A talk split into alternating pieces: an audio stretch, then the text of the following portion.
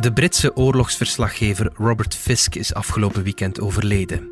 Fisk maakte furoren als reporter in het Midden-Oosten, sprak met Osama bin Laden, hij overleefde bombardementen, maar stierf uiteindelijk toch gewoon in bed. Wat is de impact van Fisk op de wereld geweest? Het is vrijdag 6 november. Ik ben Alexander Lippenveld en dit is de podcast van de Standaard.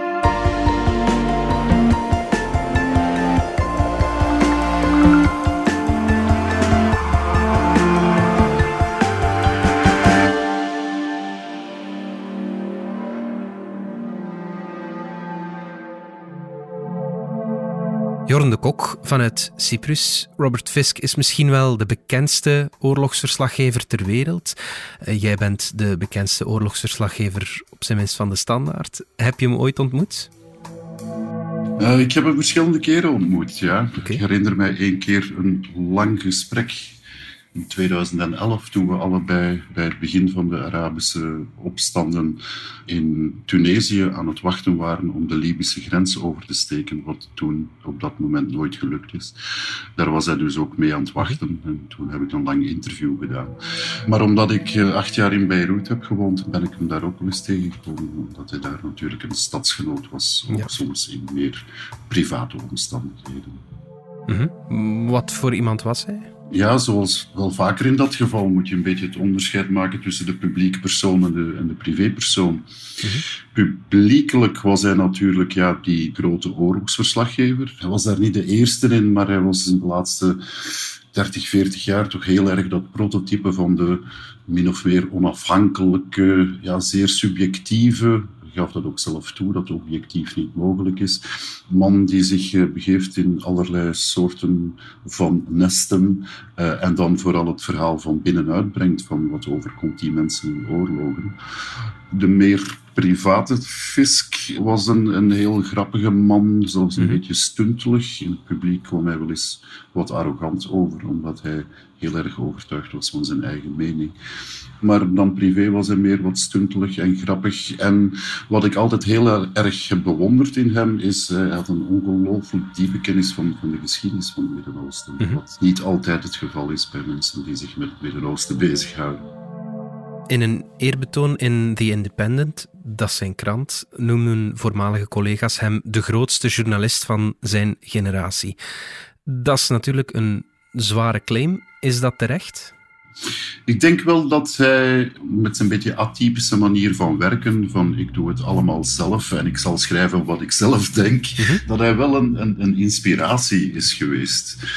Ik denk dat wat zijn invloed op de journalistiek betreft, dat is zo'n beetje van als correspondent ter plaatse die daar uiteindelijk te midden van de actie zit en te midden van de mensen zit, hoef je je niet altijd aan journalistieke straminen te houden. Je mag schrijven wat je ziet en je mag je ook laten leiden door wat je denkt. Ik denk dat dat een beetje de inspiratie van Fisk is geweest. Mhm. De grootste journalist van zijn generatie, ja, dan daar wil ik zelfs niet over beginnen na te denken. Ik bedoel, dat is zo'n beetje van wie is de grootste zanger van zijn generatie. Ja. Uh, dat is heel relatief en, en ook heel subjectief natuurlijk. Begin maar met de toogdiscussies als de cafés weer open zijn. Ja. In zijn boek The Great War for Civilization start hij met Osama bin Laden. Bin Laden is zowat de bekendste terreurleider aller tijden natuurlijk. Hoe uitzonderlijk is het dat je zo iemand kan interviewen? Het was niet zo uitzonderlijk. Bin Laden heeft nog wel interviews gegeven. Maar ja, het feit is, het is een, een mooi openingshoofdstuk. Hè, hoe je daar in the middle of nowhere bij nacht en ontij naar Bin Laden wordt gebracht. But no, I went to see, I went out with this guy. We went across the desert past pyramids you've never seen before. And my a journalist friend who knew Bin Laden well went up and spoke to him in his ear. And I saw Bin Laden's eyes flick towards me with um, palpable concern. He'd never met a Western journalist before. And uh, I was then invited to meet him. I shook hands with him. Bevestigt vooral dat Fisk in het Midden-Oosten wel degelijk bekend was. Dus Osama bin Laden nodigde hem niet toevallig uit. Hij had een reputatie als reporter die ook ja, de lokale versie van de internationale feiten liet horen. En, en dat heeft hem natuurlijk die uitnodigingen van bin Laden opgebracht. Had hij daarmee ook een impact? dat weet ik nu niet. Uh, ik denk dat zijn belangrijkste impact toch in die jaren is geweest van, wel in de aanloop naar de Amerikaanse invasie in Irak zit je met een heel jaar eigenlijk dat Amerikaanse media compleet aan het meegaan zijn in het verhaal van de regering Bush, die invasie volop steunen. En hij is daar altijd, ja, op zijn eigen manier weerwerk tegen blijven bieden. Heeft dan ook de invasie meegemaakt van in Bagdad in plaats van met de oprukkende troepen. Nu, aan de andere kant, ja, Fisk schreef nu ook niet voor de grootste krant ter wereld. Hè. Mhm. en, en, wat konden de Amerikanen zich aantrekken van de Britten? Ja, ja, ja. In hetzelfde eerbetoon in The Independent, uh, wat ik daarnet aanhaalde, wordt zijn werk ook controversieel genoemd. Jij schreef zelf, Jorn, de laatste jaren waren zijn artikelen van de nieuwspagina's verhuisd naar de opiniepagina's. Hoe is dat gebeurd? Wel, Fisk heeft eigenlijk altijd al een beetje dat probleem gehad, mhm. zal ik maar zeggen omdat ik zelf in Beirut woonde, maar nooit die Libanese burgeroorlog heb meegemaakt. En zijn boek daarover, Pity the Nation, ja, dat is een fantastisch epos over zijn jaren in die burgeroorlog. Ja, dus ja, ik begon vanzelf natuurlijk ook wat rond te, te vragen onder andere collega's die dat die tijden nog hebben meegemaakt. Er lopen er nog een paar rond. En bij Fisk was het altijd zo dat uh, andere journalisten nogal sceptisch waren over wat hij allemaal schreef. Ik heb zelf met een man van een persagentschap gesproken mhm. en die zei van ja, we spraken met exact dezelfde mensen, gingen naar exact dezelfde plekken en toch kwam hij terug met een compleet ander verhaal. Mm. Daaronder te verstaan iets dat nooit gebeurd is. Okay. Dus er zijn altijd al een beetje vragen geweest in welke zin Fisk in de eerste plaats een, een precieze reporter was dan wel een gretige verhalenverteller. Okay, dus dat, dat aura heeft altijd al een beetje rond hem gehangen. Mhm. Dan ja, de echte controverse, die is dan eigenlijk ja, pas na het begin van de Arabische lente in 2011 gekomen. Mhm. Maar hij was minder met feitelijke reportages bezig dan ja, dat waren eigenlijk lange columns die hij schreef. Met zeer veel stof erin, maar ook met scheldwoorden over bepaalde mensen en lelijke bijnamen. En dus het, ja, het, was, het was Fisk persoonlijk die schreef. Het was, hij was daar niet meer de krantreporter.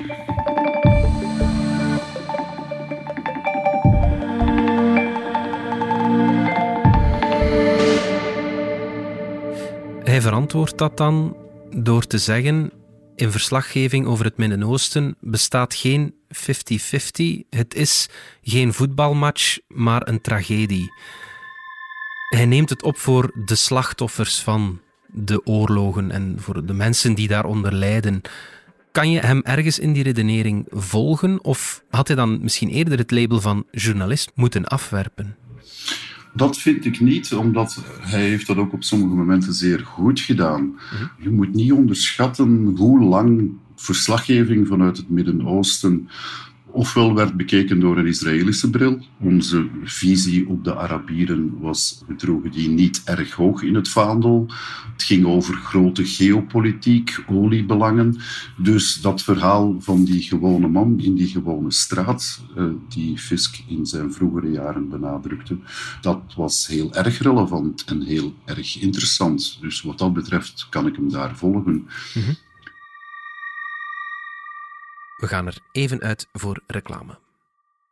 We zien dat de laatste tijd 60% van de kandidaten met hun smartphone gaan solliciteren. Dus we moeten zien dat we klaar zijn voor die markt. En alles beweegt. Een podcast waarin Vlaamse CEO's en prominente HR-managers vertellen hoe ze hun onderneming en werknemers in beweging houden. Beluister de reeks op jouw favoriete podcast-app. VDAB en alles beweegt. Fisk heeft ruim 40 jaar in Beirut gewoond, de hoofdstad van Libanon. Jij hebt daar ook gewoond, Jorn.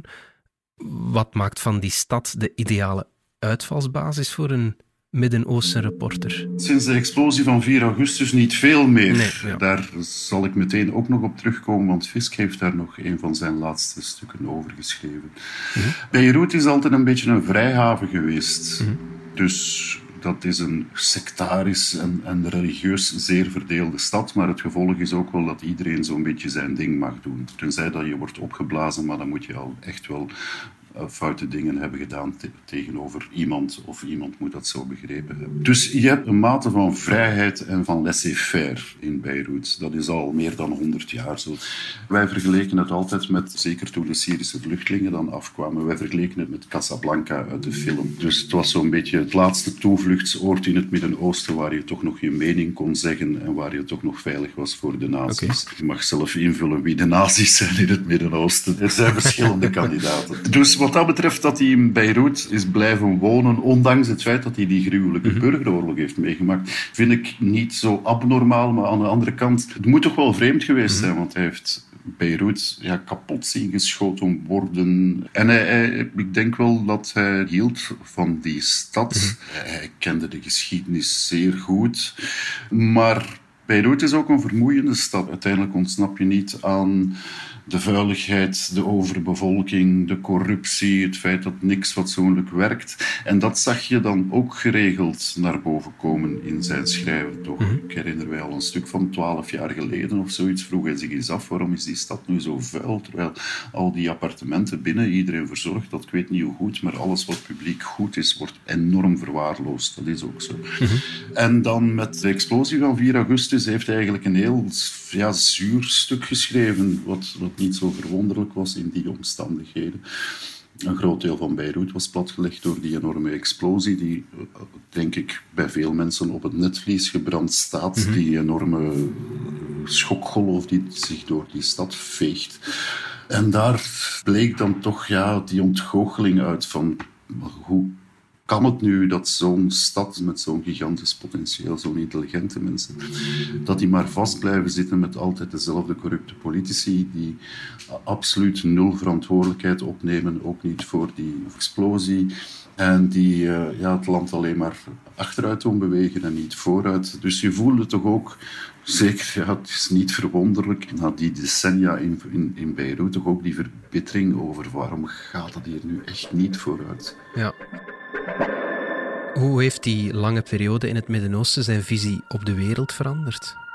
Ik weet niet hoe zijn visie op de wereld 40 jaar geleden was. Wat je wel ziet, hij heeft me dat toen ook in 2011 zelf gezegd, van ja, hij was wel cynischer geworden over het Midden-Oosten door al die decennia van oorlog en bloed en doodslag. En het feit dat het niet veranderde. Hij werd ook steeds, denk ik, anti-Amerikaanser, anti alles wat de opeenvolgende Israëlische regeringen doen en deden. Hij was erg begaan met het lot van de Palestijnen, uh, zag vooral de Verenigde Staten dan ook ja, met die invasie in Irak in 2003 als ja, steeds weer de spelbederver. Mhm. Dat zei hij ook in 2011 al. We stonden aan het prille begin van die Arabische opstanden toen zei hij al van ja, ik, ik, zie het niet goed aflopen, want de Amerikanen en de Israëli's zullen er wel weer iets op vinden, zodat er niks verandert. Dat is eigenlijk fout gebleken, omdat de Amerikanen en de Israëli's zich wat op afstand hebben gehouden van die Arabische opstanden. De Amerikanen zeker hebben zich mhm. onder Barack Obama eerder teruggetrokken uit het Midden-Oosten dan iets anders. Maar dat toont wel hoezeer dat dat mhm. zijn ideologische analyse bijna was van de situatie in het Midden-Oosten als hij nog eens in het Westen was, dan deed hij altijd heel veel moeite om zijn boodschap te gaan verkondigen, om te gaan spreken. Waarom deed hij dat zo graag? Ja, ook in België is hij verschillende keren komen spreken. Hè. Hij deed dat graag. Ik denk ten eerste omdat hij in zijn privéleven toch een beetje een loner was. Hm. En zijn werk was zijn communicatie met de buitenwereld. Hij schreef dan ook die dikke boeken en hij wou natuurlijk gehoord worden. Hij vond ook dat hij die situatie in het Midden-Oosten beter begreep dan anderen.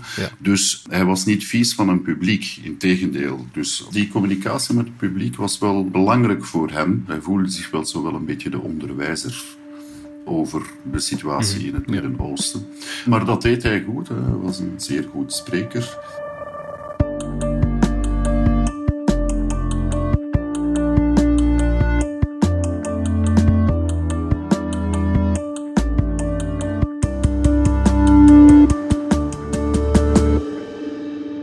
In zijn berichtgeving over de Arabische lente, zo schreef je, Jorn, leek Fisk niet echt meer mee. Hoe komt dat? Ik denk precies omdat hij een beetje cynisch was geworden. Het kan ook met de leeftijd te maken hebben en het feit dat hij alles al is had meegemaakt. Maar helemaal in het begin, in 2011, zag je nog wel van dat hij, ik denk zoals vele mensen in en rond het Midden-Oosten nog dat gevoel had van hoop. Uh, in Egypte rond het Tahrirplein, waar hij ook geweest was. Dan Libië werd wel moeilijker. Maar dat is redelijk snel weggegaan. En ik vond dat je een beetje las. Ten eerste dat het hem al snel niet meer al te erg interesseerde. En ten tweede is hij dan mhm. toch wel nog vooral met Syrië bezig geweest. En daar is hij bijzonder vreemde dingen beginnen te doen, die hem jammer genoeg ook een groot deel van zijn reputatie hebben gekost. Fisk is letterlijk maar naar Syrië blijven gaan werd rondgereden door het Syrische leger van Bashar al-Assad. De grote slachtingen, daar schreef hij eigenlijk niet over. Of als hij erover schreef, dan gaf hij de versie van het regime en deed dan nog alsof dat hij als enige de waarheid had achterhaald, die dat dan snel werd gecorrigeerd hmm. door andere collega's die gewoon beter werk deden dan hij. Hij deed het omgekeerde van waar hij jarenlang voor stond. Ja, dat verhaal van onderuit brengen voor Syrië was dat, had hij dat blijkbaar opgegeven. En om welke reden, hmm. dat weet ik niet. Was hij moe? Zat er iets ideologisch in, in het spel? Maar vooral voor de jonge generatie in Syrië en daarbuiten die in opstand kwam die een ander systeem wou, een ander land, die voelden zich echt in de steek gelaten door het feit dat Fisk daar, juist Fisk, daar had ze wel een schouderklop van gewild. Dat juist mm Fisk daar ja, platte regimepropaganda begon te bedrijven. Mhm. Een heel praktisch voorbeeld. In 2012, maar dan ook nog eens in 2018, gingen naar een van die uh, opstandige wijken waar een groot bloedbad had plaatsgevonden. Wel, hij werd daarheen gereden, beschrijft hij zelf, in een panzerwagen van het leger. Werd rondgeleid door regimemensen. En dan doet hij net alsof dat, oh ja, maar nu, nu vind ik hier lokale inwoners die zich zeer veilig voelen en zich niet bedreigd door het leger. Terwijl ja, je weet hoe dat het Syrische leger en de Syrische geheime diensten werken. En zij vertellen mij de waarheid, namelijk dat de rebellen de eigen bevolking van kant hebben gemaakt. En dan denk je van, Fisk, hoe is het in godsnaam mogelijk dat je daarin trapt? Dat een, week later is er dan een andere bekende journaliste, Giannini Giovanni, is dan undercover in diezelfde wijk mhm. binnengegaan. Bleek dat, dat Fisk zich inderdaad gewoon plaatjes had laten wijsmaken. Ja, ja. Leest het ook in zijn stukken, zo van, ja, die, die, die, die vlam die is eruit en ik ga nu nog eens lekker contrair doen. Dus dat was mhm. een beetje, ja, het is niet aan mij om te zeggen, maar het was zo'n beetje fisco-waardig. ja, ja. En dat werpt een schaduw op zijn erfenis. Onvermijdelijk. Je ziet, er waren deze week uh, in de reacties op sociale media heel veel mensen die Fisk bijna heilig hebben verklaard. Hij was goed in zijn lezingen, zijn boeken zijn indrukwekkend. Zijn stijl was zeer apart. Maar zeker bij die jongere generatie Arabieren, die, uh, die hadden niet veel goede woorden meer over voor Fisk. En dat is heel jammer, want vroeger was hij wel degelijk een beetje zo het lichtende voorbeeld van hoe het wel moest. Jorn de Kok, dankjewel. Graag gedaan. Dit was de podcast van De Standaard. Bedankt voor het luisteren. Wil je reageren? Dat kan via podcast.standaard.be. Alle credits vind je op standaard.be-podcast.